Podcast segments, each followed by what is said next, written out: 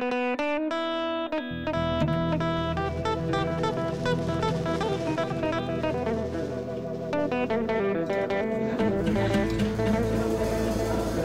volgende gerecht is eh, gebakken eh kastanje-champignons met een eh, saus gemaakt van eekhoorntjesbrood. En bovenop zijn de pekannootjes eh, geroosterd. Geniet ervan.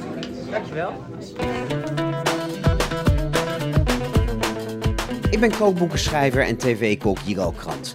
En dit is de Vegan Lekkerbek. De culinaire podcast die bewijst dat engeltjes geen dierlijke producten behoeven om uitbundig op je tong te piezen.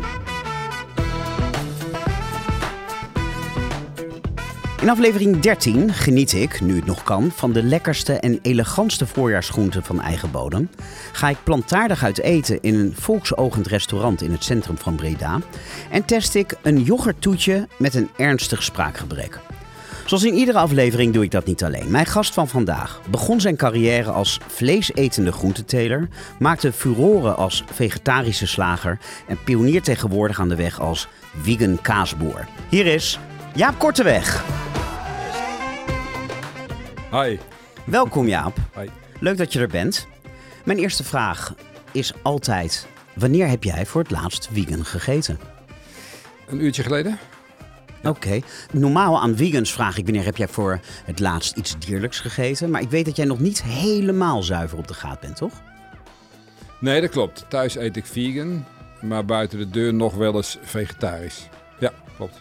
Ja, waarom is het thuis wat strenger dan buiten de deur? Nou ja, ik bedoel, ik, ik, ik, ik, eh, ik, doe, ik doe de boodschappen thuis en ik kook thuis. Dus dan heb ik dat helemaal in de hand. En buiten de deur is het zeker in de omgeving waar jij woont niet altijd even makkelijk. Nee, nee, En klopt. dat is omgeving Etteleur. Ja. Ja. Ja. Wanneer heb jij voor het laatst echt vlees of vis gegeten? ja, dat is toch al lang geleden hoor. 15 jaar geleden, of nog iets langer denk ik wel. Ja, nee, langer nog. Ja, ik denk wel misschien 18 jaar geleden of zo. Kan je de smaak nog goed herinneren? Jawel, zeker. Is Ja. het niet vertroebeld door de producten van de vegetarische slager? Ja, dat weet ik natuurlijk niet. Want ja, hoe, hoe goed weet je dat als je dat niet meer eet? Hè? Maar in mijn beleving heb ik dat nog heel scherp. Maar Ja, de, de vegetarische slager, hoef ik niet nader te introduceren, heb je verkocht aan Unilever.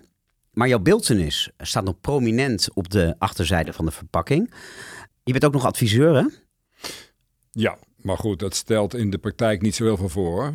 Nee, maar voor, voor het grote publiek ben je nog steeds Mr. Ja, Vegetarische zeker, slager. zeker. Dat hebben ze ook toen eh, met de overname wel eh, bedongen. Dat, dat ze dat beeld inderdaad zouden mogen blijven gebruiken. En dat vind ik natuurlijk helemaal prima, want dat is, eh, dat is ook leuk. Ja. Want ze doen het goed. Ze doen het heel goed, ja. Ja, is er iets waar je achteraf spijt van hebt? Nu je terugkijkt van, nou, dat had ik zelf niet gedaan. Nou, dat, in de eerste plaats weet ik dat natuurlijk niet, want ik ben helemaal niet betrokken bij de dagelijkse gang van zaken. Maar zover ik het eh, zie, dan, eh, dan gaat het heel goed. Dus eh, ze zijn heel zuinig op de missie. En op de, nou ja, de idee die we hadden. Hè? Dus de grootste slager ter wereld worden. Dat is nog steeds de ambitie die ze, die ze hebben. Mhm. Ze zijn nu zes keer zo groot in omzet dan vier jaar geleden toen het overgedragen is. Ja, je zegt al ze, niet we. Ja, ze. Ja, nee, het, is wel inderdaad ze. Ja, ik bedoel, ik ben geen onderdeel meer van het team. Hè. Dus we hebben eh, een aantal keren per jaar nog overleg en daar worden we bijgepraat. Dat is hartstikke leuk. Het contact met mijn opvolger is ook, is ook heel goed. Prettig. Eh, als er iets is, dan, ehm, dan, dan, dan bel ik hem of app ik hem. Ehm, maar goed, ik ben inmiddels ook weer druk met mijn nieuwe business. Dus ik, het is ook niet zo dat ik het nou heel erg nauwlettend volg of zo. Dus wat ik zie, dat het in, eh, in, grote lijnen heel goed gaat. Dat het, eh, dat het hard groeit. Dat was ook mijn missie. Ja, ja, je bent van vegetarische slager gegaan naar veganistische cowboy. Those Vegan Cowboys heet je nieuwste Ja. bedrijf. Daar gaan we zo direct eh, meer over hebben. Ehm, ik wil eerst nog toch even, ondanks dat je niet echt meer de vegetarische slager bent, maar je staat nog achterop. Dus ik vind dat ik je erop mag aanspreken. Nog even met je hebben over de producten van de vegetarische slager. Toen je samen met eh, Nico Kofferman in 2010 op Dierendag ermee begon, toen was er nog bijna niks te krijgen in de supermarkt op het gebied van vleesvervangers. Inmiddels puilen de schappen uit. Maar de nadruk is wel komen te liggen steeds meer op vegan. Is daarmee de vegetarische slager een beetje ingehaald door de realiteit? Mm, nou, in zoverre dat de producten van de vegetarische slager, alle nieuwe producten zijn ook vegan. En ook een aantal van de bestaande producten die nog niet vegan waren. Wij hadden toen ook al best veel vegan producten. Maar ze, voor zover ze dat niet waren, zijn ze dat nu in veel gevallen ook. Hè? Dus, dus je ziet dat, dat, dat het assortiment, ik denk dat het nu al voor, ik zou het niet precies weten, maar, maar misschien wel 90% vegan is. Nee, ik denk minder hoor. De, de gakballetjes eh, zijn het niet, de braadworsten niet, alle vleeswaren zijn het nog niet, de shawarma niet, een paar burgers. Dus shawarma is het wel. Shawarma is het wel. De meeste burgers ook. De kipperswarma niet, Ja, volgens mij. vegan. Ja. Wel? Nou, ja. Ja. nou ja, dan kom ik meteen aan bij het volgende punt. Namelijk dat het op de verpakking heel erg moeilijk te zien is. Ja, dat klopt inderdaad. Het is misschien niet altijd even duidelijk, maar bij de vegan product staat er wel een keurmerkje op. Maar het merk is natuurlijk de vegetarische slager, wat natuurlijk dat eh, misschien suggereert dat het allemaal vegetarisch zou zijn. Maar bijvoorbeeld eh, de Little Willys, de, de Engelse ontbijtworstjes die wij destijds eh, nog vegetarisch hadden ten tijde van de overname, die zijn nu sinds kort ook eh, vegan geworden. Oké. Ehm, de rookworst is het. De meeste burgers zijn het. Het is alleen nog één burger van het eerste uur die dan niet vegan is. Maar de rest van de burgers zijn allemaal vegan. Dus ehm, het gaat wel heel hard hoor. Ja, ik heb het even opgezocht. Ik heb het inderdaad verkeerd gezien. De kip shawarma is vegan. Ja, Maar ik vind het lastig. Je moet echt geconcentreerd door Ja. dat schap gaan. Om thuis te komen als je wil met alleen vegan. Ja. Is het de bedoeling, want dat begrijp ik een beetje uit je woorden, dat jullie uiteindelijk helemaal vegan worden? Een paar jaar geleden zei je dat dat in 2019 moest gebeuren. Las ik ja in een dus interview. inderdaad, eh, volgens mij voor de overname, ik denk een half jaar voor de overname of iets dergelijks, heb ik eh, toen aangekondigd dat het in anderhalf jaar tijd allemaal vegan zou moeten zijn. Nou ja, toen hebben we natuurlijk die overname gehad. En eh, ik bedoel, ik heb ook geen idee eh, hoe het anders gelopen zou zijn. Maar eh, het enige wat ik weet is dat dat, nou ja, dat dat, dat, dat voor een belangrijk deel al gebeurd is. En dat het sowieso allemaal gaat gebeuren. Ik denk dat het ook vooral te maken heeft met een aantal producten die wij, ehm, ja, wanneer, 2010 hè, zei. Dus dat is al eh, 13 jaar geleden die we toen geïntroduceerd hebben, waarin we dan nog een paar procent kippen-ei-eiwit gebruikten. Want Mhm. dat was het dan met name. En dat mensen gewend zijn aan die producten. En dat het dan, hè, wat er dan geprobeerd wordt, is om datzelfde product dan vegan te maken. Is het zo een belangrijk ingrediënt, het kippen-eiwit? Ik denk als je nu zou starten, dan zou je, heel, dan zou je gewoon alles vegan maken, sowieso. Hè. Dat is, in die zin is er ook alweer veel ontwikkeling geweest en veel meer mogelijkheden dan toen. Ja. Maar het heeft dan toch te maken met, denk ik, hè, er worden natuurlijk ook heel veel nieuwe producten eh, ontwikkeld en Mhm. gelanceerd. Die zijn sowieso allemaal vegan. Om dan zo'n bestaand product ja, te kopiëren precies en eh, te vervangen door een vegan variant. Maar nogmaals, ik heb dat niet, ik bedoel, ik, ik ben daar ook niet bij betrokken. Maar wat ik hoor is dat de intentie is om zo snel mogelijk alles vegan te hebben. En ik Ja. zeg al, veel producten zijn het ook al geworden. Hè. Dus, Ja. Alleen dat kippen-eiwit waar je het over hebt, dat op dit moment bijvoorbeeld nog in de gehaktballetjes zit. Dat is, zo staat te lezen in de ingrediëntendeclaratie, van vrije uitloopkippen. Dat is beter dan scharrelkippen. ja. Maar waarom niet biologisch eiwit? ja, dat zou je toch echt aan eh, de mensen nu moeten vragen. Ja, dat vind ik te gemakkelijk, want dat was ook al de receptuur toen je nog wel de eigenaar was. Ehm, ik weet dat wij toen ook veel eh, biologisch eh kippen-eiwit gebruikt hebben.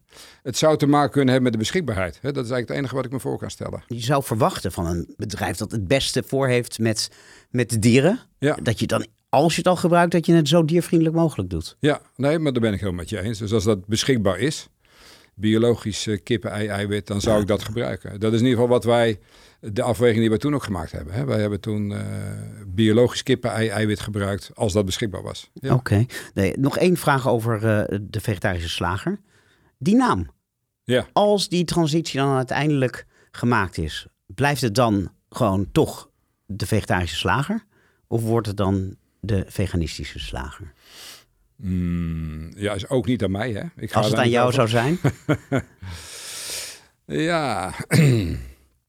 nou, misschien op, op een gegeven moment kun je als een soort statement dat zou je dat kunnen doen. Hè? Dus eh, kiezen voor eh, de veganistische slager. Waarbij voor mijn gevoel voorop staat, en dat moet je dan natuurlijk toch ook wereldwijd bekijken, wat, wat de impact daarvan is. Hè? Dus of dat positief werkt. Want eerlijk gezegd vind ik dat het enige wat dan telt. Dat dat ervoor zorgt dat het nog harder groeit. Want vegan schrikt nog steeds af bij mensen. Daarom staat het zo ontzettend klein op jullie eh, verpakking. ja, nou, dat was in ieder geval het geval toen wij begonnen. Was dat absoluut het geval. En eh, dus dat is een hele bewuste keus geweest.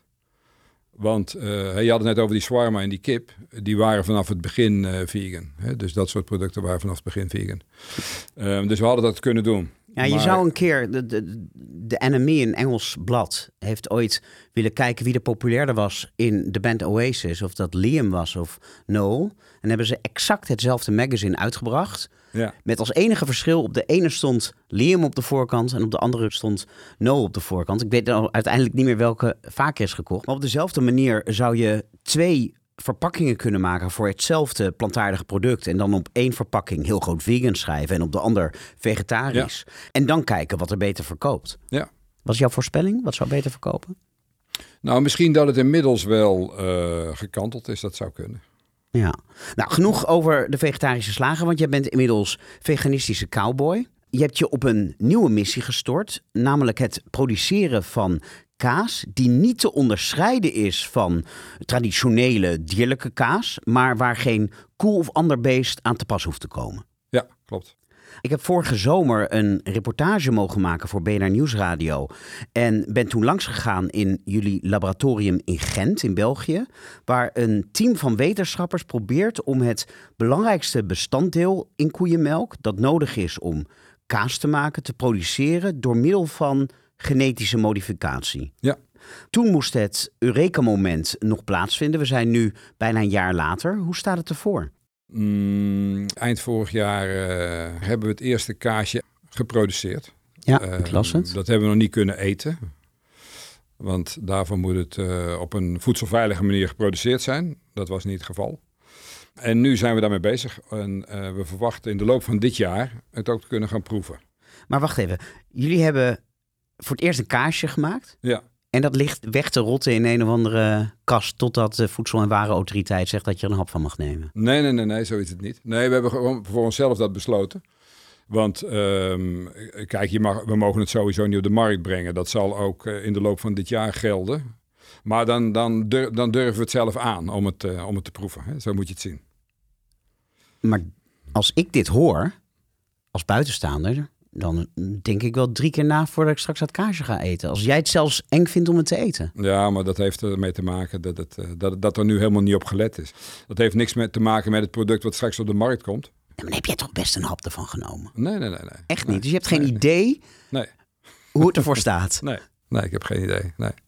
Maar we hebben er wel een sterke indruk van, want hetgeen we produceren, dat is de caseïne, het melkeiwit. Mm -hmm. Zoals dat ook in, zo in zoogdierenmelk zit. In, uh, in, melk van koeien, van geiten of van mensen. Ja, en dat proberen dus, jullie op te wekken uh, met gisten. Ja, dus, dus, dus je moet het zo zien. Kijk, en dat lab waarmee we dat geproduceerd hebben, heeft allemaal niks te maken met voedselveiligheid of zo. Dus ik denk dat je het een beetje zo moet zien dat je dan, nou ja, weet ik veel, melk wat ergens in heeft gezeten, wat nou ja, in ieder geval niks te maken heeft met, uh, met, met, met, met een kopje uit een afwasmachine of zo. Weet, weet ik veel wat, wat nou ja, voor mij het op straat heeft gelegen of zo. dat je zegt van neem maar een slok. He, dus daar is, helemaal niet, daar is helemaal niet op gelet. Wat is er dan gebeurd met het kaasje? Dat zit nog ergens in een, uh, in, in, een, uh, in, in, in een diepvries. Ik wil het ook komen proeven. Ja? Ja. Ja, maar dat, dat, dat, dat mag je dan niet. Je moet gewoon even wachten tot van de zomer. Want dan gaan we dat op een manier doen waarvan we denken, nou, dit is gewoon prima. Ja. En dan, uh, dan mag je misschien wel Want volgens mij is het ook verboden om het te verhandelen, om het te verkopen. Maar ik weet dat er een kippenkweekvleesproducent is in Rehovot, vlakbij Tel Aviv in Israël. En die hebben een restaurant. Daar kan je gratis komen eten, omdat ze er nog geen geld voor mogen vragen. Maar je kan het wel eten. Ja. En als ik thuis een, een bus spiritus wil drinken, dan houdt ook niemand me tegen. Nee, nee, zo is het. Maar goed, oh. die bus spiritus ga je ook niet drinken, hè? Nee, nee, dus maar omdat je niet... zo streng zegt van het mag niet, het mag niet. Nou nee, het mag niet. Dus dat betekent dat um, eer het mag, dan zijn we tenminste vier jaar verder. Want we, dan moeten we een hele procedure door voor voedselveiligheid wanneer, in Europa. Ja, want wanneer is er, denk je, even los van, want daar ga, wil ik het zo nog over hebben. Maar wanneer zijn jullie zo ver um, in dat lab in Gent dat er echt mozzarella gemaakt kan worden, of parmezaanse kaas, of goudse kaas, of cheddar, die niet van echt is te onderscheiden? Nou ja, we verwachten dus dat we dat in de loop van dit jaar dat we daarmee kunnen starten. Met het maken van die, ja, want dat is het punt, die caseïne, die is in al die kazen die jij noemt, die is gelijk. Hè? Dus je kunt van koemelk kun je al die varianten maken. Ja, maar je hebt ook vet nodig bijvoorbeeld. Ja, maar het vet is niet het grote punt. Want Dus, waar haal je dat eh, vandaan? dat, daar gebruiken we plantaardig vet voor. Want het, het vet in de kaas, in de melk, dat is juist hetgeen wat natuurlijk ongezond is, waar mensen hart- en vaatziekten van krijgen. Dus je hebt nu ook al kaas gemaakt van koeien-eiwit, van koeiencaseïne, waar, waarbij het vet is vervangen door plantaardig vet. Voor mensen met hart- en vaatziekten. Maar dan krijg je dus een soort dieetkaas. Ja, dat is dieetkaas. Maar ehm, qua smaak is die vetcomponent eh, goed te vervangen door plantaardig. Dus wij zullen ook niet het dierlijke vet, eh, de room, eh, het, het vet uit de melk, dat zullen wij niet gaan namaken, bijvoorbeeld met precisiefermentatie. Dat gaan we niet doen. Dus uiteindelijk ga je toch wel verschil proeven. Nou, dat is zeer de vraag, want het, eh, die, die vetcomponent heeft niet zoveel invloed op de smaak. Oké. Maar wat jullie doen op het gebied van kaas wordt natuurlijk al veel langer geprobeerd met vlees. Tientallen bedrijven wereldwijd houden zich bezig met de productie van zogenaamd kweekvlees. Ook in het laboratorium. Jullie zijn een beetje de alchemisten van de 21ste eeuw. En in Nederland hebben we een bedrijf dat Mozamiet heet, van professor Mark Post. Dat is de professor die tien jaar geleden in de Limburg Universiteit, ik was daarbij als verslaggever, de eerste kweekvleesburger presenteerde. Zij liggen qua ontwikkeling dus zo'n negen jaar op jullie voor. En zij staan nu op het punt om echt productie te gaan draaien. Maar nu blijkt dat de burgers die Mozamiet op de markt wil brengen, maar voor de helft zullen bestaan uit kweekvlees. En voor de overige 50% nog gewoon een sojaburger zullen zijn. Dus een soort half om half burger. Ja. Dat vind ik toch een beetje teleurstellend. Want de belofte was dat we echt vlees zouden gaan eten. Alleen dan zonder het dierenleed en zonder de immense impact op het milieu. Nu vraag ik me af, gaat dat bij jullie straks ook zo zijn? Dus is er een kans dat de kweekkaas die Those Vegan Cowboys straks op de markt gaat brengen... toch geen echte kaas gaat zijn? Nou ja, in zoverre dat het vet eh, zal plantaardig Ja, zijn. dat hebben we net gehad. Dus dat is die helft. Hè? Dat is ongeveer de helft. Want kaas is ongeveer een kwart eh, eiwit, een kwart vet en een kwart water. Of eh, de helft water. Dus die vetcomponent sowieso plantaardig. Mhm. En de caseïne, dat zal er een beetje van afhangen. Hè? Maar mij, eh, het idee is om dat voor 100% eh caseïne te laten zijn. Maar mocht het nou zo zijn dat je eenzelfde resultaat krijgt, want daar gaat het dan toch om smaak, voedingswaarde, met bijvoorbeeld een gedeelte plantaardig eiwit, dan sluit ik dat ook niet uit. Als, als daar goede redenen voor zijn. Hè? Dus ik, ik weet niet, ik heb dat van Mozambique heb ik ook gelezen, dat zo'n hamburger voor de helft plantaardig zal zijn. Ik weet niet wat hun over- overwegingen zijn, maar als zij tot eenzelfde smaak komen, ja, dan, dan vind ik dat in ieder geval als consument zou ik dat geen enkel punt vinden. Ja, want het doel is natuurlijk dat er straks een stuk kaas ligt. Dat en qua prijs en qua smaak en beleving niet te onderscheiden is van dierlijke traditionele kaas. Ja. En dan is er voor niemand meer een reden, ja, behalve die paar haters die zeggen: Ik blijf gewoon oude kaas, alles wordt van ons afgenomen. Is er geen reden meer om niet over te stappen op. Wat is de naam? Dat vind ik echt lastig. Ook bij het voorbereiden, bij, bij kweekvlees heet het kweekvlees. Hoe moet ik dit noemen? Dan heb je het over de kaas. Ja, Ja, nou ja, het, het, het, eh, we mogen het geen kaas noemen, hè? dat mag niet. Dus dat is het verschil met vlees. Bij, eh, bij vlees is het zo dat dat, eh, dat is niet beschermd. Dus Mhm. ehm, ik praat zelf altijd over het nieuwe vlees. Hè? En, en het, het nieuwe vlees van, van planten en het oude vlees van dieren. Ja, want het lastige is, je wilt ook niet plantaardige kaas noemen, want dat is er ook. Daar ben je ook heel actief mee bezig. Want naast dit project maak je ondertussen kaas met vet van kokos. We hebben hier Ja. in de studio eerder met Hiske Verspillen jullie boursin geproefd. En heel positief besproken. Ja. Toch een beetje het idee dat je op twee paarden wet. Op twee paarden wedden, ja. Ehm, met de kaas werken we eigenlijk op drie sporen nu. Dus we, we maken dat caseïne, dat is het meest complexe in Gent met die precisiefermentatie. Mhm. Ehm, maar we zijn nu ook bezig met wat er nu beschikbaar is. Nou ja, die kaas die heb je laatst geproefd, hè? die Boursin-kopie, Mhm. kruidenkaas. Die is erg goed. Dat is eigenlijk heel eenvoudig. Dat kunnen we nu al maken met de beschikbare eh, ingrediënten. Er zit alleen weinig eiwit in. Dus qua voedingswaarde eh, is het anders dan de Boursin van dieren. Ja. Maar we zijn ook bezig met ehm, op basis van plantaardige melk. Dus, en dan kun je denken aan, soja, aan lupine, aan haver, eh. Via het traditionele kaasproces om daar ook kazen mee te maken. Dat doen we ook. Dus we werken nu eigenlijk op drie sporen. Kijk, ik zou er geen moeite mee hebben wanneer dat bij wijze van spreken zo goed gaat lukken. Ja, dat, dat het complexere spoor helemaal niet meer nodig is, weet je. Dat zou, dat zou natuurlijk fantastisch zijn. Ik bedoel, daar ziet het nu helemaal nog niet naar uit. Het lijkt er nu op dat je echt die casine nodig hebt om, om, om een vergelijkbaar product te krijgen. Ja. Maar wie weet worden we wel ingehaald door, uh, door nieuwe inzichten of nieuwe ontwikkelingen. Ja, maar even met de kennis van nu. Die situatie die ik net schetste, dat het volledig kan opboksen tegen traditionele producten. Gaan wij dat meemaken? Ja, ik denk dat dat. Ik schat in dat dat binnen 20 jaar lukt. Zo lang nog wel. Dat denk ik wel. Ja. ja. Maar dan heb ik het over dat het ook de wereld veranderd heeft. He, dus dat we in overgrote mate kiezen voor de, voor de nieuwe variant, voor de plantaardige variant. Maar echt gewoon parmezaan over je verder plantaardige spaghetti. Ja. Dat is al eerder. Dat dat kan, ja. ja. Nou, ik verheug me erop. Ja, ja. maar hoe zit het met de regelgeving? De vlees- en zuivelindustrie hebben in het verleden aangetoond met hun lobby de nodige juridische obstakels te kunnen opwerpen. Je had het net al over het verbod om kaas kaas te noemen. We hebben gezien dat in Italië de vleesindustrie de regering zover heeft gekregen om de producten helemaal te verbieden. Eigenlijk is dat helemaal niet nodig, want ook als je het niet verbiedt, is het, zoals je ook al zei, helemaal nog niet toegestaan. De EFSA, dat is de Europese voedselwaakhond, die moet groen licht geven. Ben je niet bang dat de traditionele industrie gaat zorgen dat ze dat groene licht gewoon nooit gaan geven? Ja, eerlijk gezegd ben ik daar in zoverre mee bezig dat wij uh, ons best doen ook samenwerken met andere bedrijven in Europa die, die hetzelfde doen, die bijvoorbeeld met precies fermentatie bezig zijn. Om, um, nou ja, om in ieder geval uit te leggen wat we, waar we mee bezig zijn en wat de enorme voordelen zijn. Dat is wat we kunnen doen. Ja, meestal is dit soort ontwikkelingen uiteindelijk toch niet tegen te houden. Dat hoop ik in ieder geval. Hè?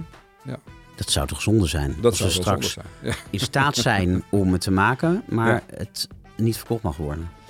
Ja, nee, dat zou inderdaad heel zonde zijn. Als de nieuwe kaas er straks is en wij bestaan nog als podcast, dan uh, zie ik je graag hier terug. Gaan we door met de eerste rubriek van de Vegan Lekkerbek, waarin we de diepte ingaan over één ingrediënt, één gerecht of één product. Nu laat ik gewoonlijk mijn gast kiezen. Maar uien, waar jij het als voormalige uienboer over wilde hebben, die hebben we al in de eerdere aflevering behandeld. Dus heb ik min of meer mijn zin doorgedrukt en gaan we het vandaag hebben over mijn lievelingsgroente van het moment. Een Brabantse groente ook, namelijk de witte asperge. Um, je vindt het oké, okay, toch? Ja, helemaal goed. Ik ben trouwens nog steeds uh, uienboer. Hè? Ik ben nog steeds boer. Oh echt? Je bent nog steeds uienboer? Zeker, zeker. Ja. Ja, als je biologische uien koopt en uh, waar dan ook, dan uh, best wel een redelijke kans dat die uh, van onze boerderij komen. Oh, wat leuk. Hele veel, met name vroege uien. Dus de allereerste van het seizoen. Ja. En je ligt in supermarkten, in groothandels, bij de groenteboer? Ja, ja, er staat geen naam op, het is anoniem. Maar dan, we zijn vaak de eerste, dus dan heb je grote kans dat ze... Als het dan Nederlandse uien zijn, dat ze van onze boerderij komen. Nou, wat leuk. Maar ja, we gaan het dus vandaag over witte asperges hebben. Niet over groene asperges, echt alleen maar over de witte. Gaat jouw hart harder kloppen als het aspergeseizoen voor de deur staat? Ik ben wel een liefhebber, ja. Dus je vindt niet echt dat we het er vandaag over gaan hebben? Nee, dat vind ik helemaal niet erg. En bij mij in de, in de, in de, in, in, in de straat waar ik woon, daar staat zo'n automaat. Een automaat? Zoals van de Febo? Ja, een soort uh, Febo-automaat bij een aspergeteler die dat dan uh, bij, bij de dam heeft staan. De, de, de ingang naar zijn boerderij heeft En dan dus trek je een kilootje Ja. asperges uit. Die moeten nog wel bereid worden. Ja. En geschild? Of dat ja, heeft dat kan beide. Je gedaan? kan ze geschild en ongeschild kopen daar. Oké. Wanneer at jij dit jaar voor het eerst asperges? Ik was niet heel vroeg dit jaar. Oké, nee, niet het was een heel zacht eh, voorjaar hadden we. En boeren maken steeds meer gebruik van energieslurpende noodgrepen om Ja. die asperges eerder te telen. Met buizen, warm water die door de bedden heen lopen. Ja. Ze dekken het af met zeil. Ja. Ik zag ze al liggen in de supermarkt, mind you, begin maart. Mijn eh gegoede buurtgenoten waren nog op skivakantie. Maar in de supermarkt lagen al witte asperges. Uit Nederland. Ja, uit Nederland. Maar dus niet uit de koude grond. En dus negeer ik die asperges ook, hoe moeilijk het ook is. Want ja, weet je, als je plantaardig eet, ook uit duurzaamheidsoverwegingen... dan moet je dus geen groente in huis gaan halen met een gigantische voetafdruk. Ja.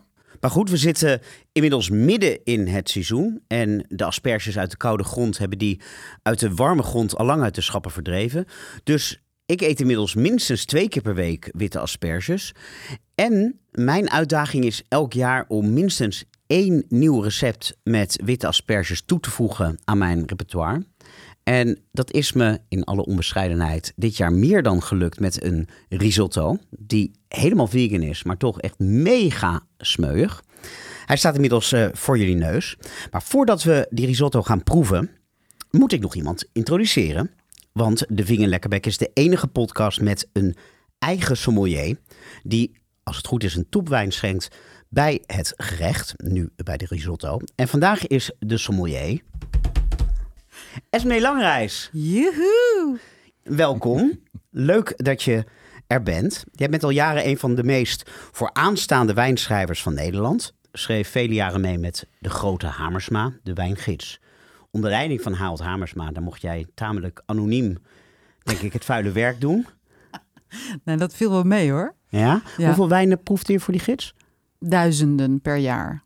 Ja, inmiddels niet meer hè? Nee, nou ik proef nog steeds wel wijnen. Niet voor Harold. Maar ik ben uh, de wijnschrijver voor NRC onder andere. Voor mm Miljushka magazine. Voor de smaak van Italië. Uh, ik heb ook voor, ik, voor perswijn schrijf ik ook wel eens wat. Uh, vakblad over ja, je hoeft niet je hele cv op te dreunen. We weten dat je een grote tante bent in Wijnland. Maar je bent een beetje een nieuwe weg ingeslagen. Ja, dat, dat kan je wel zeggen inderdaad. Ja. Ik ben gestopt met drinken. Eigenlijk al best lang. Dat is wat. Ja. ja. En wat is daar de reden van? Bottom line is dat ik me uh, beter voel, geestelijk en lichamelijk, zonder alcohol. Dat is uh, waarom ik af en toe, ik ben niet helemaal sober, dus ik drink af en toe een mooi glas wijn of een lekker biertje. Ik hou heel erg van bier. Wijn, dat dronk ik eigenlijk sowieso al niet meer zoveel, omdat ik een snop ben geworden. Maar ik werd ziek en um, daarna kwam corona. Voor ik het wist, had ik een jaar niet gedronken. En uh, ik voelde me gewoon veel beter, geestelijk en lichamelijk. En toen ben ik niet meer begonnen. Of althans niet uh, met de uh, hoeveelheid waar ik daarvoor mee dronk. Als je wijn proeft voor je beroep, dan slik je het sowieso niet door. Dus dat is allemaal niet zo problematisch. Maar is het niet zo dat als jij duizend wijnen hebt gedronken, soms mm. al misschien 100 tot 200 per dag, als spuug je ze allemaal uit, dat je aan het eind van de avond het voelt ja. in je lichaam? Nou, 200 wijnen per dag, dat is wel echt heel erg veel. 100 heb ik wel eens gedaan. Uh, als ik voor de gids schreef, dan deed ik er wel 50 bijvoorbeeld op een dag. En dan voel je inderdaad, uh, je begint om 9 uur s ochtends en dan denk je, oh, moet ik weer? En dan nou, na de derde, vierde denk je, nou, is toch hartstikke leuk dit beroep. En aan het einde van de dag uh, ga je naar huis en val je in slaap. Maar je bent niet dronken of zo. Dus je krijgt wel alcohol binnen via je slijmvliezen, mm -hmm. maar je, je, je wordt er niet dronken van. Nee. Waarom ik het zo leuk vind om jou hier aan tafel te hebben, ook bij Jaap, is omdat je eigenlijk een beetje je eigen glaas hebt ingegooid. Bijna letterlijk en figuurlijk. Jaap was een groot vleesliefhebber. Is daarmee gestopt en heeft daar voor zichzelf een nieuwe loopbaan mee gecreëerd. Voor mij geldt eigenlijk min of meer hetzelfde. Want ik heb het Gouden Kookboek gewonnen met een boek vol recepten met vlees en vis. Besloot geen dieren meer te eten. Waardoor ik ja, mezelf beroepsmatig opnieuw moest uitvinden. Dus wat dat betreft lijken we alle drie wel een beetje op elkaar. Ook jij hebt een nieuwe niche moeten aanboren, maar dan omdat je met alcohol bent gestopt. Ja. En waarom ik je vandaag specifiek heb uitgenodigd, is omdat ik van Jaap weet dat hij, net zoals jij, geen totale geheelonthouder is, maar dat jij, je bent geen drinker. Nee, daar ben ik. Uh, en toch uit Brabant. Dus ik heb, er, ik heb er wel goede herinneringen aan van vroeger. Wat een paradox hier aan tafel. Ja, maar bij mij is dat heel geleidelijk. Uh, ja, opgedroogd zou ik kunnen zeggen. ik, ik, begin nog wel eens aan een glas, maar dan uh, gaat het meestal niet meer dan half leeg. Nee, bij de nee. meeste mensen als ze beginnen dan, ja. ach, dan toch maar een tweede en een derde. bij jou is dat niet zo. Nee, dat lukt gewoon niet meer. En het is gewoon omdat ik gewoon echt geen zin meer in heb. Dus uh, ik vind dan een paar slokken wel lekker. Want, uh, maar dan, dan gaat het me tegenstaan of zo. Dan, dan ga ik weer gewoon vanzelf water drinken. En bestel je dan wel eens non-alcoholische dranken? En dan bedoel ik niet koffie of thee, maar uh, wijn of bier of andere dranken die traditioneel met alcohol zijn. Heel soms, maar nog niet zo, moet ik zeggen. Ik heb, dus ik, ik, ik, ik weet er ook niet alles van. Dus ik ben heel benieuwd. Ja, nou ja wat wel interessant is, is dat die industrieën zijn best wel vergelijkbaar. Jouw industrie probeert een nieuw product te maken waarin dan een component afwezig is, maar waarbij het resultaat eigenlijk even goed is. En jouw nieuwe niche, Esme, is min of meer hetzelfde, alleen dan zonder alcohol, maar wel even lekker.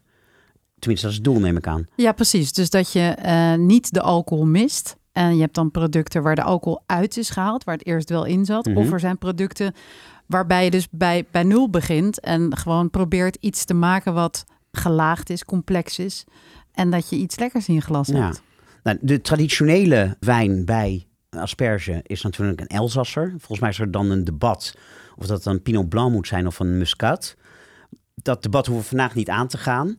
Ik ben heel erg benieuwd wat je gaat schenken bij de risotto. Maar laten we die gaan eten, anders wordt hij helemaal koud. Ja. Ik zal even zeggen wat we gaan eten. En dat is een beetje een tantaluskwelling voor de luisteraar. Maar ik zal het recept uiteraard op de Instagram-pagina zetten. Het is een risotto. En wat ik heb gedaan is, ik heb eerst de schillen gekookt in amandelmelk. Daarna heb ik de topjes vijf minuutjes gekookt in dezelfde amandelmelk. Ook eruit gevist. En de rest van de asperges heb ik helemaal fijn gehakt. In amandelmelk gedaan, samen met een ster anijs en wat safraan. Dat laat ik 20 minuten staan en daar zet ik de staafmixer op. Dan krijg je dus een asperge amandelbouillon. Ja, ik vis wel even de ster anijs eruit. En daarmee heb ik de risotto gemaakt. Dus kleine scheutjes steeds bij de rijst gedaan.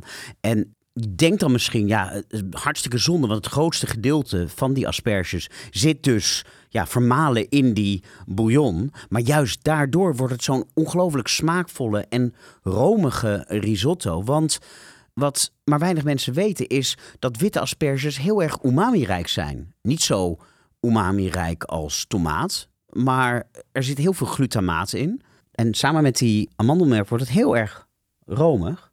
Nou, die topjes heb ik net nog even opgebakken in wat knoflookolie. En ik serveer het met wat dragon, wat sumac en geroosterde amandeltjes. Heerlijk. Het ruikt in ieder geval heel goed. Er zit ook nog wat miso doorheen. Ja. Ik was dus heel benieuwd hoe heftig die safraan zou zijn Mhm. als je daar iets bij uitkiest. Want dat kan heel dominant zijn in de smaak. Maar die vrees is nu weggenomen. Ja, zeker. Nee, maar ik bedoel, toen je me vroeg, neem iets lekkers mee. Dan hangt het er dus heel erg vanaf hoe dominant de safraan is in een gerecht. Ja, want je hebt verschillende flessen op tafel staan. Maar je moet er één kiezen. Ja. Welke ehm, gaat het worden? oh, Nu je een oh hap ja, hebt genomen. oh, dat is een hele goeie. Wacht, dan proef ik nog even deze erbij. Dan zeg ik ondertussen dat er in Nederland vaak heel panisch wordt gedaan over koken met asperges. Het is toch eigenlijk vaak meer assembleren dan ermee koken. De, asperges worden gekookt en daarna worden ze opgediend met, nou ja, traditioneel is het vaak met boter of met ei of met ham of met zalm. Eigenlijk best wel lastig voor, voor vegans. Het wordt eigenlijk bijna nooit op een vegan manier en vaak ook niet vegetarisch gegeten. Maar dat is helemaal niet nodig, want asperge kan echt wel tegen een stootje. En volgens mij bewijst deze risotto dat ook. Dat is goed dat je dat zegt, inderdaad. Want? Nou, omdat inderdaad hoe heftig asperges kunnen zijn, dat is natuurlijk van heel erg van invloed op wat je erbij drinkt. Mhm. En je kan dat doen met de bereidingswijze, dus hoe je, hoe je, of je ze grilt of zo. Totaal iets anders. Dus je moet altijd precies weten wat de bereiding van een recept is als je er iets bij zoekt. En dat is bij de alcoholvrije dingen natuurlijk niet anders. Ja, dus eigenlijk is het onzin om te zeggen de aspergewijn is een Pinot Blanc. Precies. Want als, hier zou je waarschijnlijk geen Pinot Blanc bij nee, serveren. nee. Voor, door die safraan. Er zit wel kruidigheid. Dus bijvoorbeeld ehm, Een Viognier? Eh, ja, Viognier bij safraan gaat meestal goed. Dus Viognier of een ehm, beetje een ehm, eh, iets zuidelijks. Dus niet te licht. Als je iets hebt met veel smaak, dan wil je er ook wel iets stevigs tegenover zetten. Mhm. Ehm, Wel wit. Nou, ik heb hier bijvoorbeeld iets meegenomen wat niet wit is. En ik wil daarbij even zeggen dat de proof is echt in de pudding. Als je wil weten, dus ik kreeg van jou een recept door, ehm, dan kan ik een inschatting maken. Dat is als er één ding mij duidelijk is geworden. Ik heb vorig jaar een hele special geschreven voor NRC over wijnspijs. En ehm, ja, het hangt er zo vanaf. Het maakt wel sens als je een, in een restaurant ben en de, de chef heeft een receptuur en die heeft dat afgestemd met een sommelier. Mhm. En dat, dat, dat die combinaties ehm, goed werken, of laten we zeggen briljant werken, want een heleboel combinaties werken prima. Maar als je die 1 en 1 plus 3 combinatie zoekt, dan, dan moet je eigenlijk echt dat helemaal het recept proeven en erbij eh, zoeken wat daarbij past. Nou ja, goed, je hebt drie wijnen meegenomen. Ondanks dat ik je Ja. zei, één is meer dan genoeg. Je hebt nu geproefd. Dus je kan nu een betere pairing maken. Ik wil nu weten... Mm. Maar je hebt jezelf al ingeschonken, maar ons nog niet. Nee, Dat is niet echt wat... dat, is niet, dat hoort niet bij het sommelierschap. oh sorry. Ik ga toch voor deze. Kijk, ik maak nu even een blikje open. Ik vind het sowieso leuk om een bubbeltje te schenken bij risotto. Heel benieuwd. Een mooie moes. Het zuur overheerst wel. Ja. Jullie hebben nu ook het blikje. Eh, wat jullie aan het drinken zijn, dat heet Jukes. En het is een appelsiederazijn. Je kan het kopen in een blikje, maar je kan het ook kopen in een flesje. Ik heb hier de Jukes uit het flesje. Daar moet je zelf dan spa bij doen, of eh, bronwater.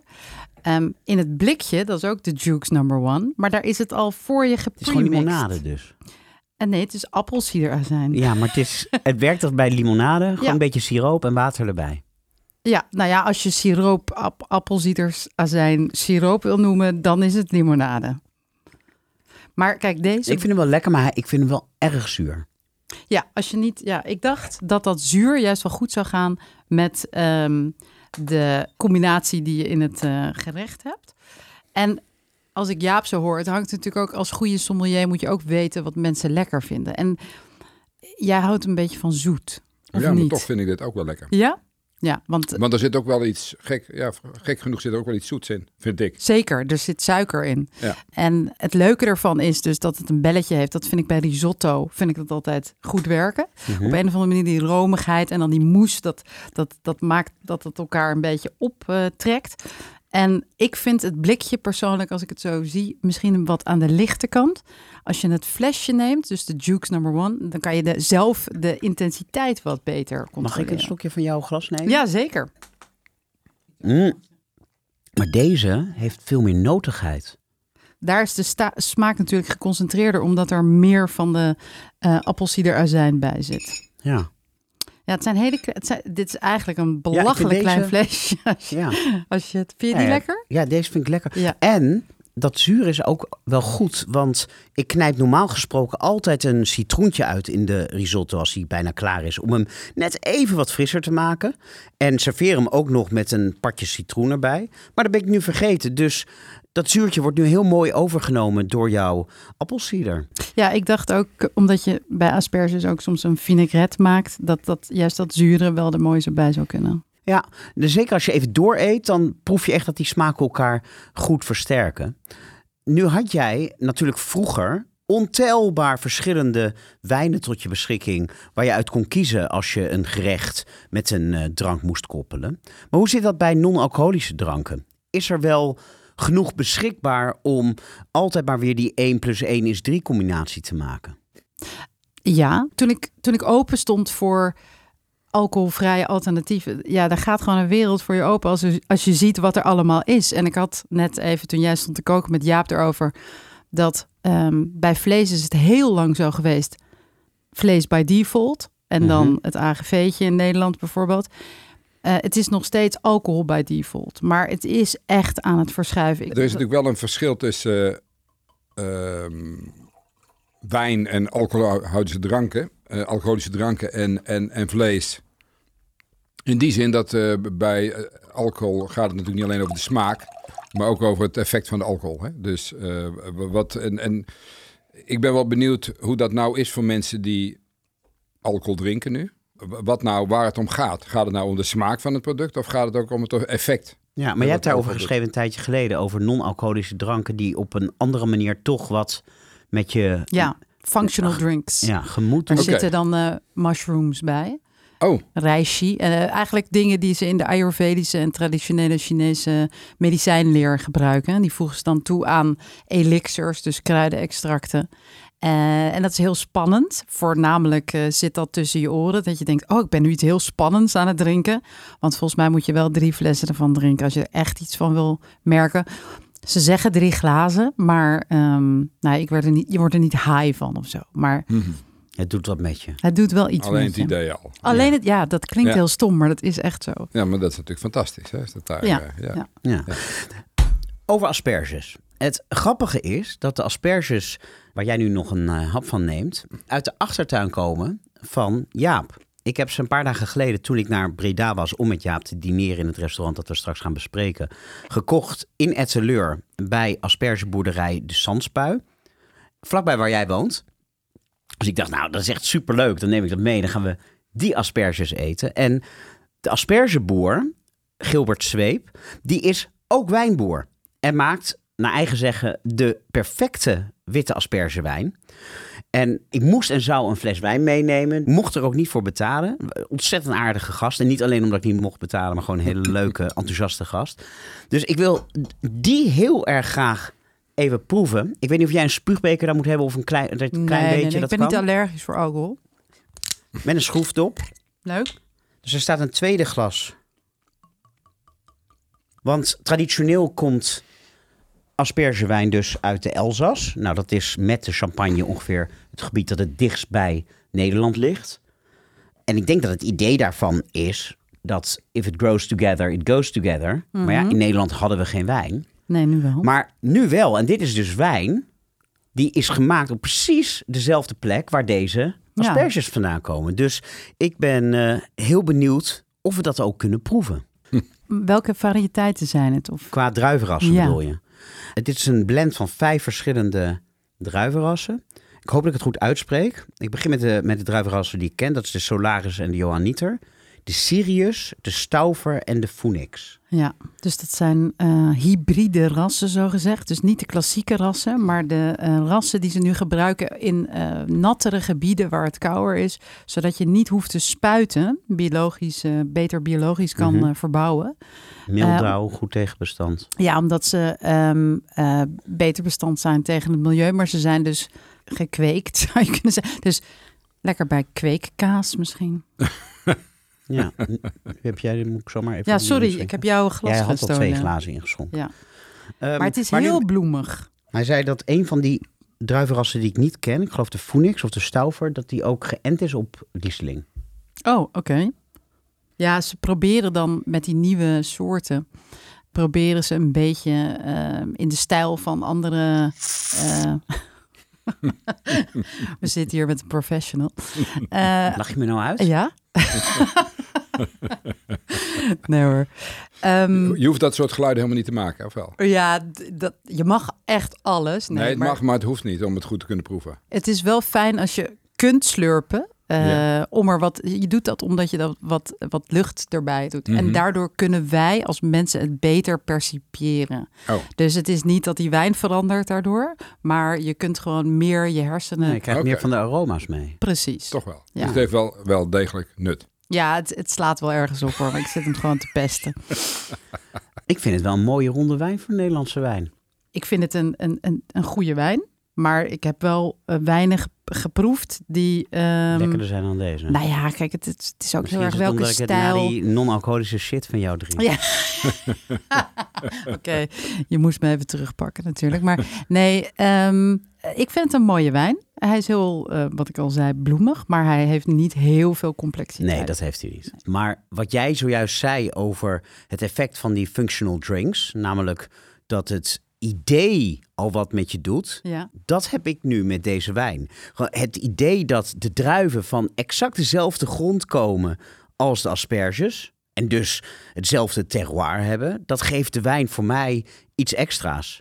Allebei afkomstig dus uit Ettenleur in West-Brabant. En dat is ook de plek waar de aspergeteelt ooit in Nederland is begonnen. Wat weten jullie dat? Wat is de hoofdstad van de asperges in Nederland? Geen idee. Weet ik ook niet. Voor mijn gevoel zou ik zeggen zelfs in Limburg of zo, maar dat is dus dat niet klopt. zo. Oh, dat Ja? klopt wel. Oh, Waar, waar in Limburg? Nee, geen. He- gewoon... eh, Nee, je zou denken, hier inderdaad Zuid-Limburg. Ja, Maar Noord-Limburg oh, is het centrum. Het beste zijn zandgronden. In Zuid-Limburg heb je lusgrond. Ja. Daar worden ook veel asperges geteeld. Maar het centrum is Pil en Maas. Dat is een gemeente ten zuidwesten van Venlo, tegen Venlo aan. Dus Venlo en omgeving, daar komen de meeste asperges vandaan. Maar ook in Brabant zijn er heel veel telers. Dat is eigenlijk het tweede gebied. Maar overal waar zand is, dus ook op de Veluwe, maar ook in het Gooi, langs de kust, Texel, daar gedijen asperges goed. Dan is altijd de vraag, waar komen de lekkerste asperges vandaan? Mijn collega Teun van de Keuken, die heeft een tweede huis in Limburg.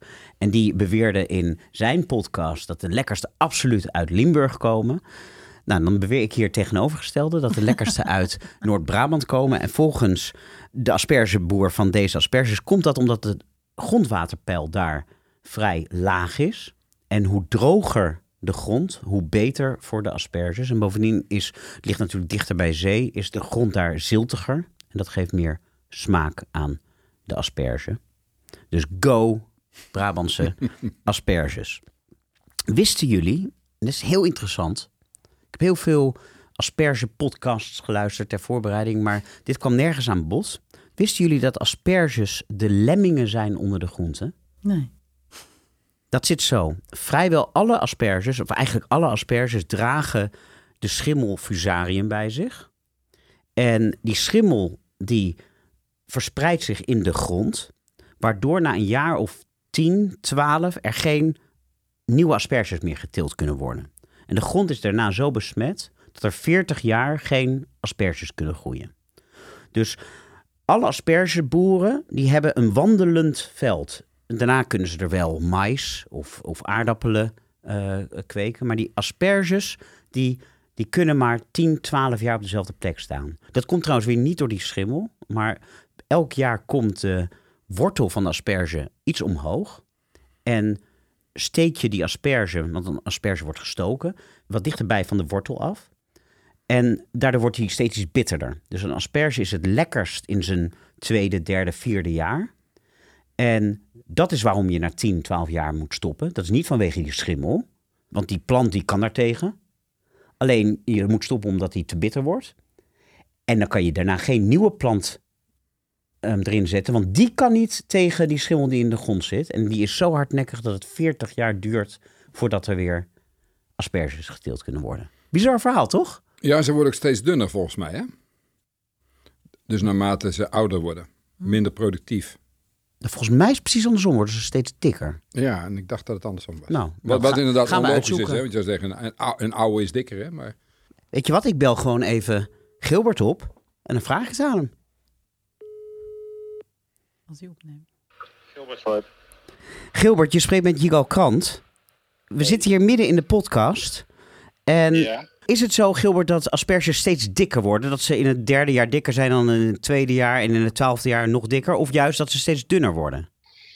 Normaal, nou, ze, ze worden niet, niet echt dikker zeg maar in de jaar, maar dan als ze ouder worden, zeg maar later in het seizoen, dan gaat je meer dunnere SP's geven. precies. De- Met de- z'n- dus uh, maar, maar naarmate ze ouder worden, hoeven ze niet per se dikker te worden of dunner te worden. Ze blijven hetzelfde. Ze blijven hetzelfde. Oké. Alleen, alleen later in het seizoen dan. Hè? Ja? Alleen later in het seizoen. Later in het seizoen, dan, wordt- dan, dan heeft de plant al heel veel energie gegeven om, om stengels naar boven te duwen. En dan wordt je, gaat je dunner worden. Daarmee geeft hij aan dat zijn energie uit zijn wortels bijna op is. En dan gaat hij dus dunner worden. Top. Nou, dat was dus een typisch gevalletje eh, klepel en klok. Je hebt ons geholpen, dankjewel. We gaan weer verder. Ja, alsjeblieft. Doeg. Doei, doei. Ehm, ook een leuk weetje, wat vaak ten onrechte wordt beweerd over aubergines, is bij asperges echt waar. Er zijn zowel mannelijke als vrouwelijke planten en daarmee ook mannelijke en vrouwelijke asperges. Die je trouwens niet aan een of ander geslachtskenmerk kan herkennen in de winkel. Ze zien er allemaal uit als vallen Maar de mannelijke asperges zijn lekkerder. Het scheelt niet veel, maar het verschil is er wel. Dat is ook echt wetenschappelijk aangetoond. En dus vertelde Gilbert ook dat bij zandspui daarom 90% van alle asperges mannelijk zijn en maar 10% vrouwelijk. Wauw. Maar dat heeft hij dus kunnen regelen of zo. Met, eh, je, je kunt dat, je kunt dat sturen. Ja, ja, Ja. ik zei dan, waarom neem je dan niet alleen mannelijke Ja. asperges? Dat, dat is ook weer niet gezond. Er moet ook kruisbestuiving zijn. En bij de hij koopt die plantjes op en zonder vrouwelijke kunnen ze niet. En ik denk dat het verschil ook vrij klein is. Dat, ze, dat niet zo is dat die vrouwelijke niet tevreden zijn. Maar er is wel degelijk verschil. En je moet, uh, je moet de mannetjes hebben. Oké. En hoe zit het met ehm, ziektes en spuiten bij eh, asperges? Nou, volgens mij um, is het spuiten vooral een heel groot probleem bij asperges die uit Peru komen. Want die komen met de boot. Die zijn al zes weken minstens oud als ze op je bord liggen. En die zien er nog helemaal prachtig uit. Maar daar wordt per azijnzuur opgespoten. Dat is best wel giftig. Kan je longoedeem van krijgen. Natuurlijk zit het in hele kleine hoeveelheden erop. Maar daardoor blijven ze eigenlijk als vers. Maar volgens mij, kijk, het blijft ook onder de grond. Er is wel, geloof ik, een aspergekevertje of iets. Maar het zal zijn zoals bij alle groenten. Je kan het biologisch doen en je kan het uh, kapot spuiten, denk ik. Ja, maar het ene gewas heeft natuurlijk wel meer uh, bestrijding nodig dan het andere was. Druiven bijvoorbeeld zijn een van de meest bespoten mm -hmm. um, gewassen ter wereld. Uh, dus dan heeft het ook echt zin om biologische druiven te kopen. Ja, maar het voordeel is, kijk, die druiven hangen in de zon en alle kevertjes en vliegjes, et cetera, ja. kunnen erheen, vogels. En die asperge zit natuurlijk met een dikke schilderon onder de grond. Ja, dat, dus daarom dat is een vroeg groot ik het. voordeel, Dus, denk ik. dus misschien valt het allemaal wel mee. Ja, nou, dat zoeken we op. Maar um, ik ben ervan overtuigd dat de asperges die we zojuist hebben gegeten... van onbespoten gedrag zijn. Ja. Jongens, we moeten wat dingen bespreken. Laten we bij het begin beginnen bij het kopen. Welke moet je kopen? Je hebt verschillende maten. De, de dunste, dat zijn de is het maatje B. En dan heb ik het niet over de korenaar asperge. Dat zijn van die hele dunne aspergetjes die je vooral in het buitenland ziet. Daar zijn wij niet in geïnteresseerd. B is 12 tot 16 mm. Dan heb je A, klasse A, 16 tot 20 mm. AA, 20 tot 28 mm. En AAA, en dat is... Um, 28 plus. Je, is 28 plus, ja. En als je nooit meer wilt drinken. Of nee, het is de AA, is dat. Ja. Dit is AA. Niet mega dik, maar ook niet heel dun. En die vind ik het prettigst. Mhm. Is dat ook waar jullie voor gaan als je ze koopt? Als je ze uit de muur trekt? Uh, ja, ik, ik ga wel voor zo dik mogelijk. Ja? Ja. En waarom? Ja, dan heb je natuurlijk relatief minder schil ook, hè? Meer waar voor je geld. Ja. En ik vind ze ook gewoon lekker, die dikke. Dus uh, ja. Grappig. Ik vind, ik vind ze wat moeilijker te garen. Zeker als je ze bijvoorbeeld gaat grillen. Want we gaan het zo hebben over verschillende kookmethodes. Ja. En dan vind ik die AA niet te dun, maar ook niet heel dik. Vind ik het fijnst.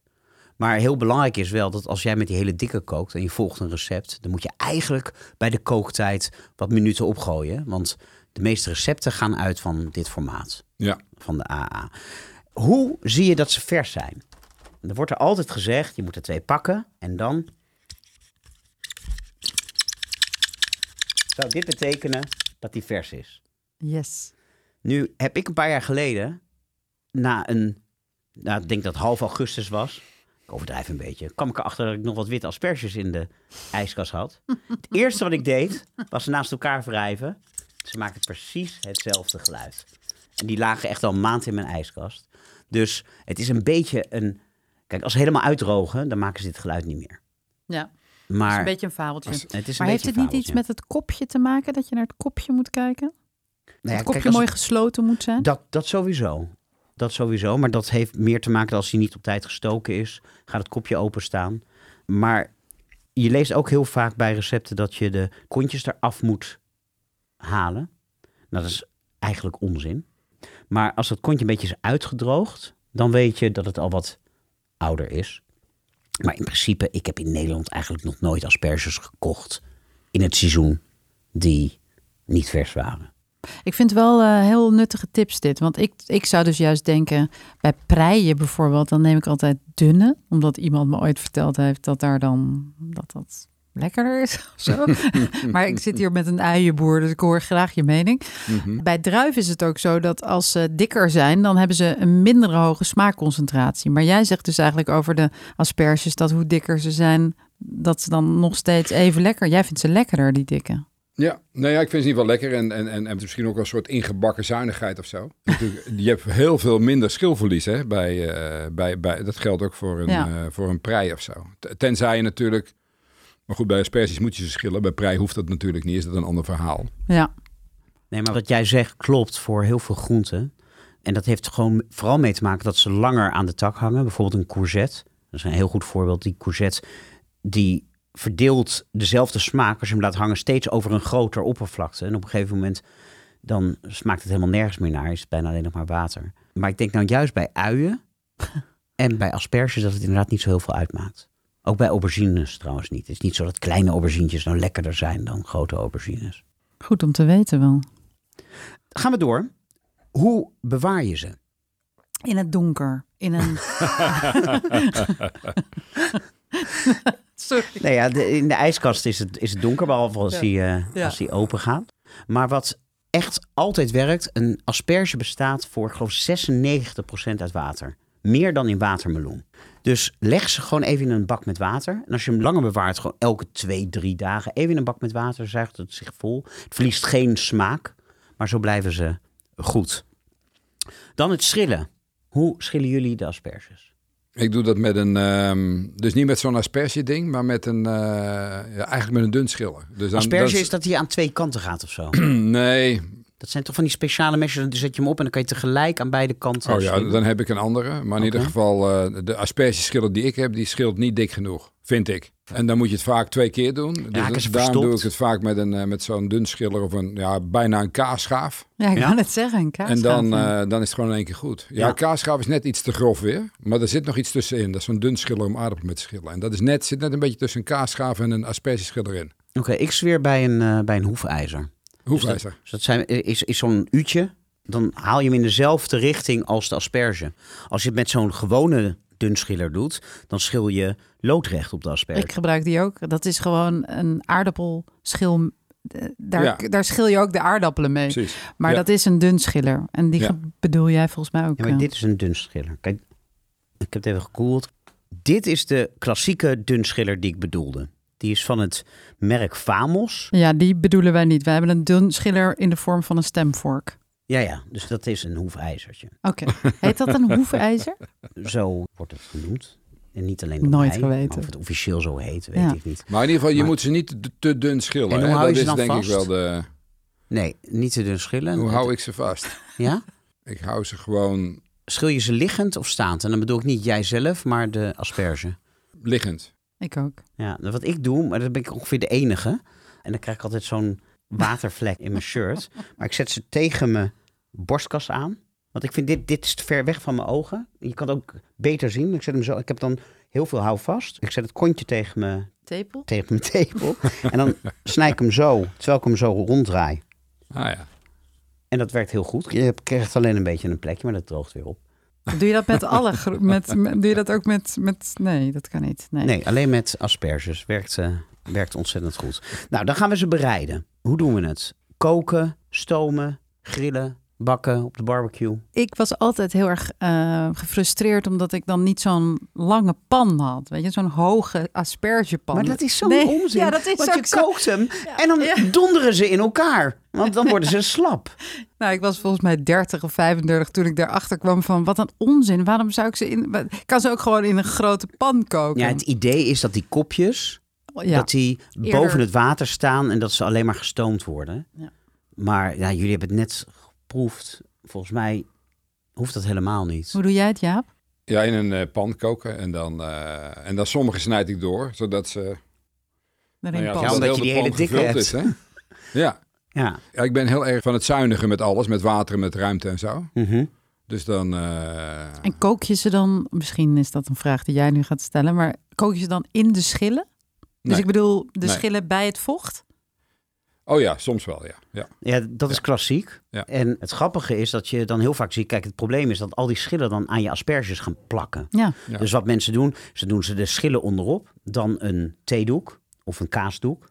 Daar de asperges op. Dan er iets zwaars op. Of je slaat hem weer terug, die doek. En daar dan de tweede helft van de schillen op. Maar het is zo'n gedoe. Je kan ook gewoon die schillen even koken. En na tien minuutjes hem even zeven opvangen. En daarna gewoon in het eh, vocht koken. Wauw, mindblowing deze kost je tip. vijf minuten. maar ehm, de vraag is dan hoe lang? Ik heb wat verschillende auteurs erop nageslagen. En dan zie je dat Johannes van Dam 1 kilo asperges in een magnetron deed. 10 minuten op de hoogste stand. Nou, ik kon dat niet geloven. Ik heb zelf geen magnetron, maar ik ben speciaal even langs gegaan bij mijn moeder om het te doen. Nou, Johannes van Dam hield van ongare asperges. Keihard. Nu kan je asperges heel goed rauw eten. Ze hebben iets bitters. Gaan heel goed samen met venkel. In TLV Vegan, mijn laatste boek, staat een recept voor een salade met rauwe witte asperges. Die heel verfrissend is op een zwoele zomeravond. Heerlijk met een glaasje ouzo of arak. Maar als je ze gaat garen en je dient ze warm op, dan moeten ze ook wel echt gaar zijn. Anders zijn ze niet lekker. Dat geldt voor heel veel groentes die je rauw kan eten. Een bloemkool bijvoorbeeld is half gaar echt niet lekker, terwijl je hem prima rauw kan eten. Um, Marie Maris, die zegt 8 tot 16 minuten koken, afhankelijk van de dikte. Dus dan jouw asperges 16 minuten. En zij voegt wat suiker toe, als de asperges bitter zijn. Onno Klein zegt 3 minuten koken. Daarna gas uit, 15 minuten laten staan. En hij voegt zout toe. Yvette van Boven zegt 10 minuten. Janneke Vreugdeheel zegt 15 minuten stomen. René Ameling zegt 8 minuten. En hij voegt van alles toe: zout, suiker, witte wijn, foelie, peperkorrels. en Eke Marien, die brengt de pan aan de kook. En zodra het kookt, zet hij het af en dan laat hij het gewoon op de kamertemperatuur komen. En dan zegt hij dat het precies goed is. Hmm. Het zijn allemaal verschillende methodes. Ik doe vijf minuten koken en laat het dan nog 10 minuutjes in het water zitten. Maar wat veel lekkerder is, is om ze na het schillen in te smeren met olijfolie en wat zout. En ze dan eerst een half uurtje op 150 graden in de oven te zetten in een gesloten gietijzeren pan. Dan zijn ze nog flink al dente. En ze daarna te grillen op een gloeiend hete grillpan totdat ze van die mooie strepen hebben. En hebben ze ongelooflijk gewonnen aan smaak. Vocht alleen maar verloren. Je hebt geen vocht toegevoegd. En je kan het voorbereiden. Dus in de pan kan je smiddags doen. En als de gasten komen, hoef je ze alleen nog maar op de grillpan te leggen. Ja. Hmm. Echt de moeite waard om een keer te proberen. Dan, en dat is wel heel leuk, want wij hebben het hier al over gehad in het restaurant, Jaap. Hebben we natuurlijk die vermalendijde pisgeur. Als je asperges hebt gegeten, dan heeft je urine die typische aspergegeur. En dat komt doordat het lichaam het asparagusinezuur omzet in een zwavelhoudende verbinding. Maar het leuke is dat Jaap zei: Mo, ik ruik nooit iets. Nee. En het schijnt dus dat niet iedereen deze stoffen in gelijke mate omzet. En er zijn ook medische artikelen gepubliceerd die suggereren dat zo'n 20% van de mensen het niet ruikt. En er zijn ook weer mensen die beweren dat ze het helemaal niet kunnen ruiken. Dus niet omdat hun pis niet stinkt, maar dat als je jouw pis aan zo'n iemand laat ruiken, ik weet niet hoe ze daarachter zijn gekomen, maar dat, dat Jaap het dan ook niet ruikt. Volgens mij zijn er twee genetische uh, componenten in een mens. Dus het ene is of je het uitscheidt, of jouw lichaam dat omzet dat in dat zwavel. Uh, en het tweede is of jij dat kunt ruiken. Dus al die verschillende combinaties zijn mogelijk. Ja. Maar het lijkt erop dat ik dubbel gezegend ben dan. Maar goed, uh, ik, ik, moet ook zeggen dat ik ook niet gewend ben om mijn pis te laten checken steeds. Dus. Nee, maar je, je, je ben, ik ben meestal aanwezig als ik plas. Nee, jij zelf wel. Nee, ik ook. maar iemand ik anders bedoelt hij. Oh, oké. Okay. het allerleukste is een gerechtje maken met witte asperge en rode biet. En dan ziet je pis ah. eruit als bloed. En dan ruikt het naar asperge. Ja. Lekker verhaal. Dat klinkt goed inderdaad, ja. En elke keer schrik ik weer. En denk ik, oh nee, oh nee, bietjes. Ah ja, heb ik nog nooit. Maar nee, weet ik niet. Je hebt dan weer genetische afwijking dat jouw pis niet rood wordt als je rode biet Het is meest, ja, misschien. maar of ik, of ik bedelf het onder uh, wc-papier of zo. Ik weet het niet eigenlijk. Ja, nou ja, wij, wij zien natuurlijk als we niet zitten. Dat is het. Wij zien het en we staan erboven. Precies, dat is het. Nou, eh, snel weer terug voordat we alle eetlust wegnemen bij de luisteraars. Naar het volgende onderdeel, namelijk de restaurantrecensie. Wij, Jaap, zijn uit eten gegaan in Breda op 20 minuten van waar jij woont.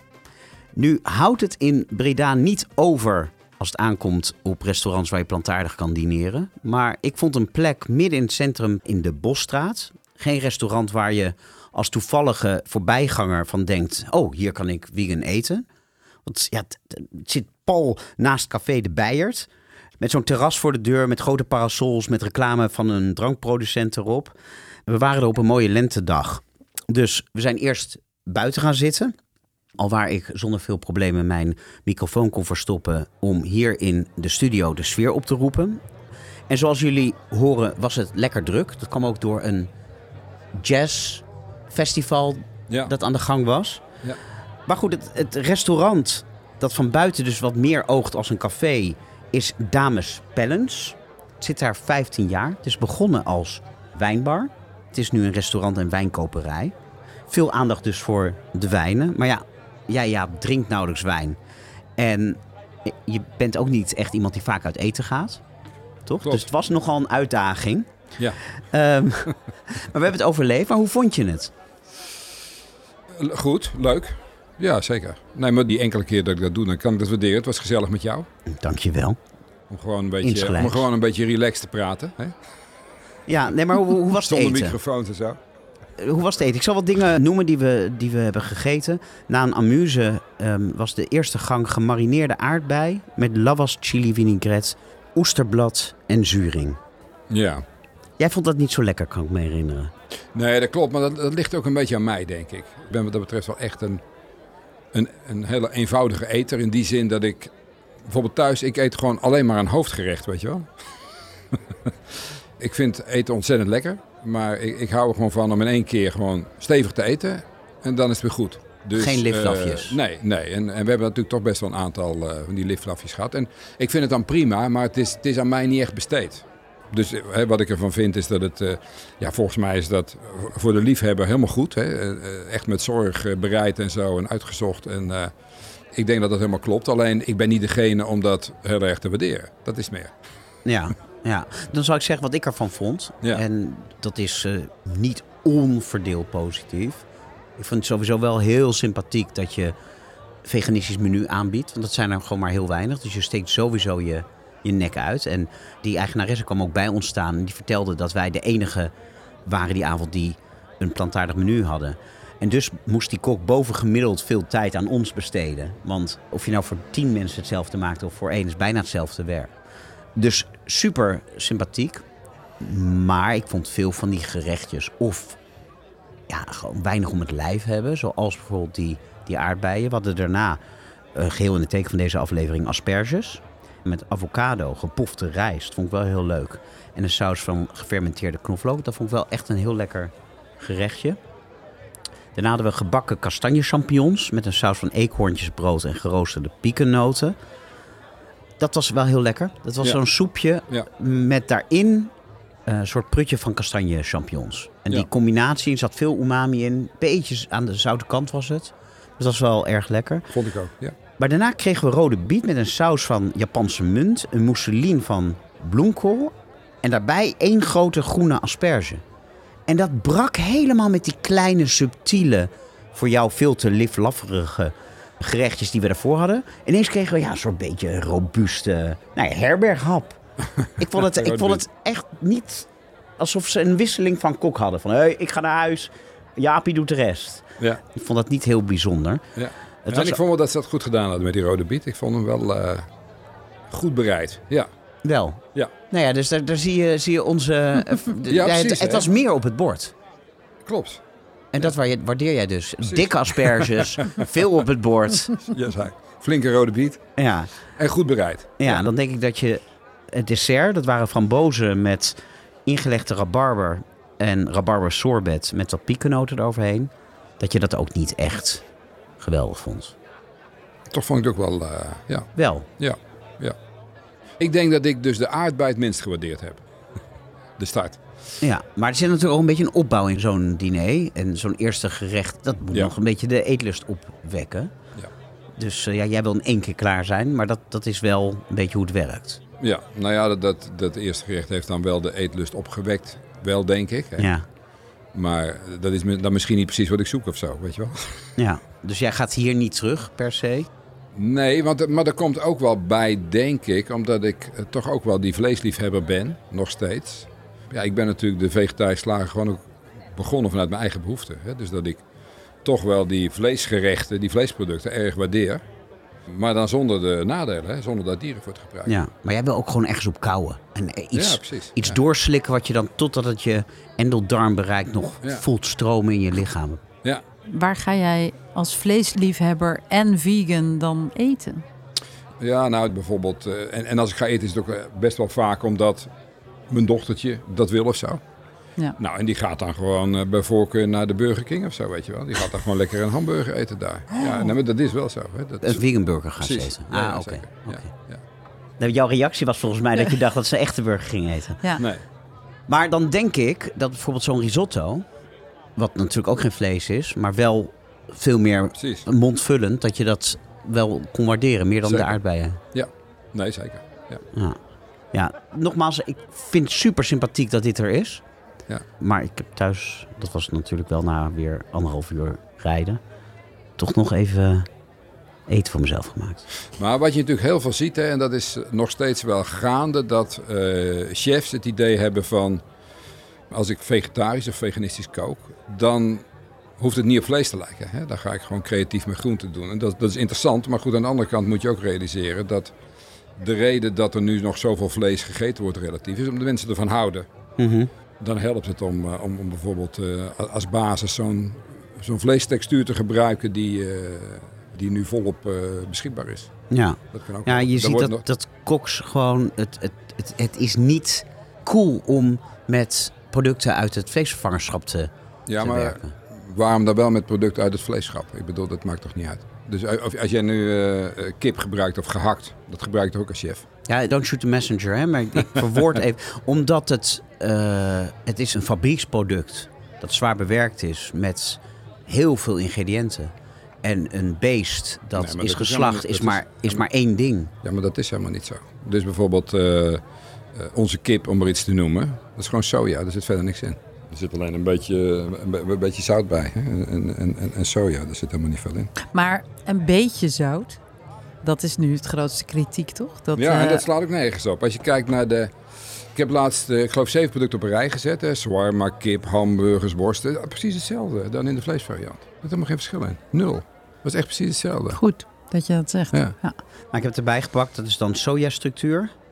Water, soja-eiwit, natuurlijk aroma, zonnebloemolie, zout, voedingszuur, citroenzuur, vitamine B12. Is inderdaad Dat is toch... eh, niet Ja. heel ja, maar veel. ik bedoel, als jij ziet wat er in een kip gaat... Jawel, maar goed, zij hebben het gevoel. Ze hebben het Nee, gevoel. maar, eh, en het is- is ook wel een beetje zo dat zij met een halffabrikaat werken van iemand anders. En bij een beest is het geen. Ja, het beest is geslacht door iemand anders, maar het is verder nog volledig onbereid. Goed. Nee, maar da- je, je kan beter dan zeggen, waarom werken ze dan wel met de worstjes van eh Brand en Levy? Want dat is ook, of, of een salami, of, want dat zijn ook zwaar bewerkte producten. Ja, maar en kijk eens wat er bij die kip aan vooraf gegaan is. Ik bedoel, hoe kunstmatig is dat? Ja. Nee, maar dat is zeker zo. En Ja. ik heb ook een lans voor je gebroken in mijn column in het Parool. Een paar weken geleden had ik daarin een shawarma recept. En daarvoor gebruikte ik naast oesterzwammen en aubergine ook kipstukjes. Om de shawarma echt een, een lekker mondgevoel, drie verschillende structuren mee te geven. En in mijn begeleidende stukje heb ik me echt sterk gemaakt voor het gebruik van vleesvervangers.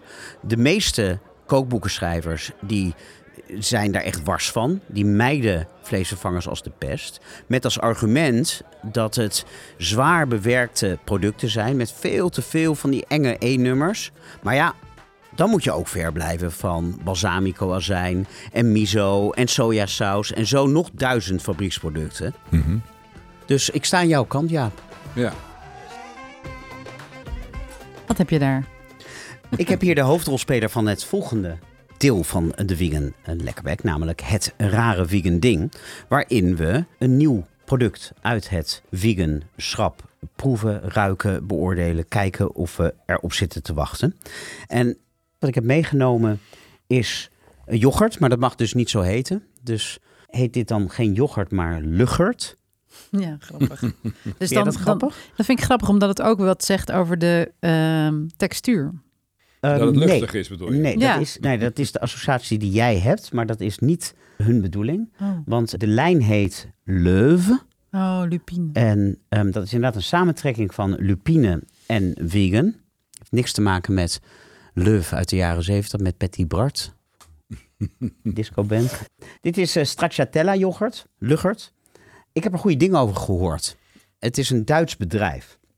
Deze is te koop bij de Albert Heijn en vast ook bij andere supermarkten. Maar ik vond het leuk om dat hier te proeven, omdat jij voor de, de, de plantaardige kazen die je nu maakt ook heel veel met lupine werkt, toch? Dat klopt. Dat, de, de- maar die moeten nog op de markt komen hoor. Dat zijn toch ook die boontjes die je altijd krijgt bij in Spanje en zo, Klopt, toch? Ja, ja. dat zijn die, eh, die, gele, die gele jongens. Ja.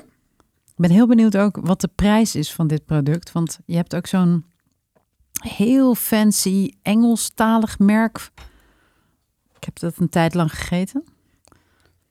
Hmm. Ik vind het wel lekker. Hij is vrij zuur. Lekker romig. Hij is heel romig. Maar ook zoet. Ja, heel zoet. Hij is heel zoet, vind ik. Ik vind hem zelfs erg zoet. Aan de, aan de te zoete kant. Ja, het is natuurlijk een toetje, een dessert yoghurt. Ja. Maar er zitten wel zuren. Hoe maken ze die? Waar komen die zuren dan vandaan? Is dat gewoon ascorbinezuur of zo? Of lupine, cacaoboter, kokosvet, hmm, gemodificeerd zetmeel, invert suikersiroop, pectine, ja, Het citroensap. is waarschijnlijk gewoon het citroensapconcentraat. Ja. En veganistische yoghurtculturen. Dus dat zou ook de zuren kunnen. Nee, maar Ja. dat is niet anders bij vegan yoghurt dan bij reguliere yoghurt hoor. Of je nou koeienmelk of plantaardige melk als basis gebruikt. Je moet melkzuurbacteriën toevoegen, dat is de yoghurtcultuur, om de suikers in de melk in zuren om te zetten. Ah. Maar ik vind dit... eh, heb er twee gekocht, voor het geval dat. en die, die andere, die ga ik vanavond gewoon aan mijn kinderen geven. Die gaan Ja. het lekker vinden. Ja, dat wou ik ook zeggen. Dit vinden kinderen denk ik echt lekker. Ja, ik vind hem. Hij zou en wat minder zoet en wat minder zuur mogen van mij. Want dat zoet heb je natuurlijk weer nodig om een zuur te compenseren. Hm. En ik wilde eigenlijk zeggen, hij mag wat minder zuur. Maar dan moet hij ook meteen wat minder zoet. Hm. Jij wilde weten hoe duur die was? Ja, Ga ik ook nog even kijken. Deze kost 2,69 bij de Albert Heijn. nou, 400 gram. ja, dat is niet zo duur. Tegenwoordig niet meer. Nee. Nee, een paar jaar geleden zou je van je stoel zijn gevallen. Maar dat is denk Ja. ik wat je ook voor normale stracciatella yoghurt betaalt. Ja, Nou, daarmee eh, zit de dertiende aflevering van de Wingen Lekkerbek er alweer op. Nog even de oproep om allemaal een kijkje te nemen op de Instagram-pagina van de Wingen Lekkerbek. Simpelweg at de Wingen Lekkerbek geheten. Daar vind je alle info over wat we vandaag besproken hebben, inclusief het recept voor de witte asperge risotto. Jongens, jullie hebben nog een maand bij het uitkomen van deze. Dat is trouwens ook zoiets, hè? 24 juni, Sint-Jan wordt altijd gezegd, tot dan kan je asperges eten. Dat hoorde ik ook in al die podcasts die ik heb geluisterd, werd dat beweerd. Maar dat is niet waar. Het is de laatste dag dat er geoogst wordt. Maar dat betekent dat je Oh. zeker nog een week daarna asperges kan kopen in de winkel.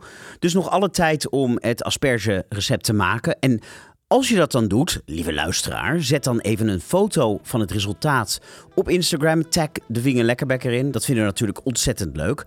Op de Instagram-pagina plaats ik ook alle info over de alcoholvrije appelsiederazijn die Esmee bij de asperge risotto schonk.